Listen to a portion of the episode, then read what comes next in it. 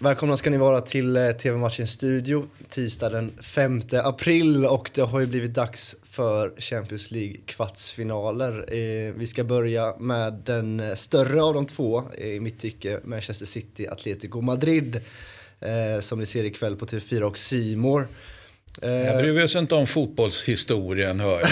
Ja, och jag tänker på på titlarna i, i, i den då mindre stora matchen enligt dig så är det ju hur mycket finaste Europatitlar som helst. Absolut. Jag är bara tvungen att säga det. Jag förstår ja. det. Eh, jag, bara, jag bara tänkte... Här och nu vi, håller jag med. Här och nu och vilken ja. match jag kanske lägger mest fokus på. Eh, jag vill börja lite och prata om eh, tränarna där, där det är, liksom, det är två helt olika filosofier, eh, får man säga, Simeone versus eh, Guardiola. I vilken ringhörna liksom, kärleksmässigt står du? Um, jag står ofta i, Guardiolas ringhörna, fast jag är ju ingen offensiv fotbollssnubbe, utan jag är snarare tvärtom mm. liksom, för den fotbollen som då Simeone, Simeone praktiserar. Men, men jag känner väl ändå att jag står i Peps ringhörna och jag har väl extremt uh, stor respekt för hans tränargärning, liksom, som ju inte är en vanlig tränargärning. Han är ju en innovatör helt enkelt. Mm. Och det kan man ju inte kalla det kan man ju inte kalla Simeone. Nej. Så att, så att, sen är det inget självändamål att vara innovatör heller. Va? Men som svar på din fråga så står jag, inte nödvändigtvis i Citys eh, ringhörna, men jag står i Peps ringhörna. Mm. Eh, det är ju två lag som kommer från eh, två segrar i ligan här. Atletico Madrid vann mot eh, Alaves som ligger på sista plats i La Liga med 4-1 och Felix och eh, Suarez gjorde två mål var. Det känns som de eh, börjat liksom, hitta formen nu eh, ganska bra. Eh, bra timing på det inför ett CL-slutspel och ligaavslutande här. Mm. Det kanske blir de två mot, mot resten nästan i, i City. Men hur mycket kan de ställa till med tror du? Ja, de kan väl ställa till med precis hur mycket som helst eh, uppfattar jag det som. Och jag, menar, jag har aldrig varit orolig för jag menar, Suarez med ålderns rätt att han får, får dippa lite i form. Alltså, det, det är ju ingenting konstigt. Jag har varit helt säker på att han skulle komma tillbaka liksom, och göra det bra. Det den, så det är inte den stora grejen tycker jag i, i Atletico. Utan det är ju såklart att Joao Felix då mm. verkar, vad vi kan se i alla fall, liksom ha, ha hittat någonting här sista månaden, en och en halv eller hur man nu ska se på det. Eh, så jag menar, det är klart att de kan hota precis vilket lag som helst i, i, i världen. Och, och, sänka vilket lag som helst i världen. Mm. Eh, jag har också skrivit ner här eh, en liten fråga till dig. Hur, liksom, hur bra kupptränare Pep Guardiola är egentligen. Eh, mm. jag tycker det finns frågetecken där. Han brukar vara nästan lite för bra på att övertänka vissa situationer och matcher ibland. Mm. Tror du det kan vara ett faktum i denna matchen?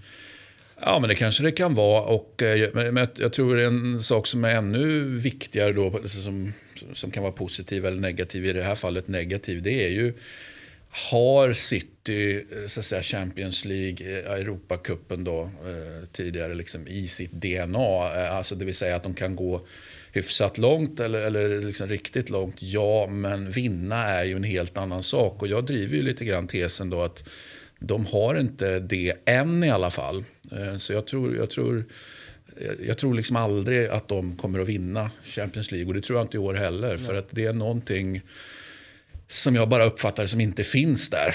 Det betyder inte att City inte är ett fantastiskt fotbollslag. Va? Men, men det är, jag, jag, jag, känner inte att de kommer att sopa hem eh, liksom, CL. Nej, jag delar den åsikten.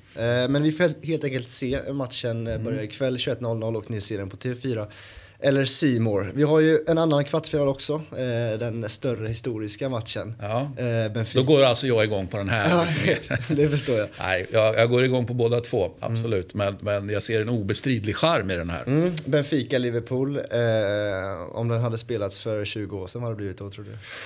20 år sedan, eh, ja då var ju eh, Liverpool fortfarande i någon slags dipp. Ja, mm. Det är en mm. väldigt bra fråga faktiskt. Eh, eh, och det som är häftigt är det vi kan konstatera är ju att snacka om att Liverpool har flyttat fram positionerna på de här 20 åren. och möjligtvis att, att Benfica har kanske varit på samma nivå men kanske dippat lite grann. Ja. Så att den moderna fotbollen ger och den moderna fotbollen tar. Verkligen.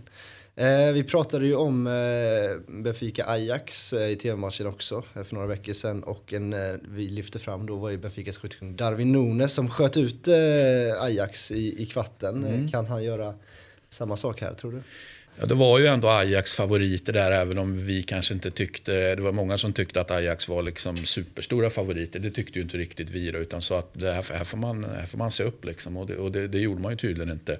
Men här är ju Liverpool ännu större favoriter såklart, eftersom Liverpool är så bra som man är. Så mm. att, eh, det är svårt att se över dubbelmötet att Benfica ska kunna gå. Alltså allting kan hända i fotboll, jabba mm. Men, men eh, alltså, de ska ju, alltså, det här dubbelmötet vinner Liverpool, punkt. Mm. Deras senaste dubbelmöte i Champions League kom emot Inter. Där de gick vidare men vann en och förlorade en. Mm. Eh, och samtidigt så är de i en ganska liksom, tight titeljakt i, i hemmaligan, Premier League. Liksom, du menar att de, att de får problem här och spelar på två fronter? Ja, ja, jag känner inte att de får det. Utan nu, nu, det, nu ser de mållinjen. Då. Vi pratade mm. mållinje igår, dagens eh, tv-matchens studio. Eh, då, då var det apropå Milan och det är samma Liverpool säger. Så att de håller ångan uppe här.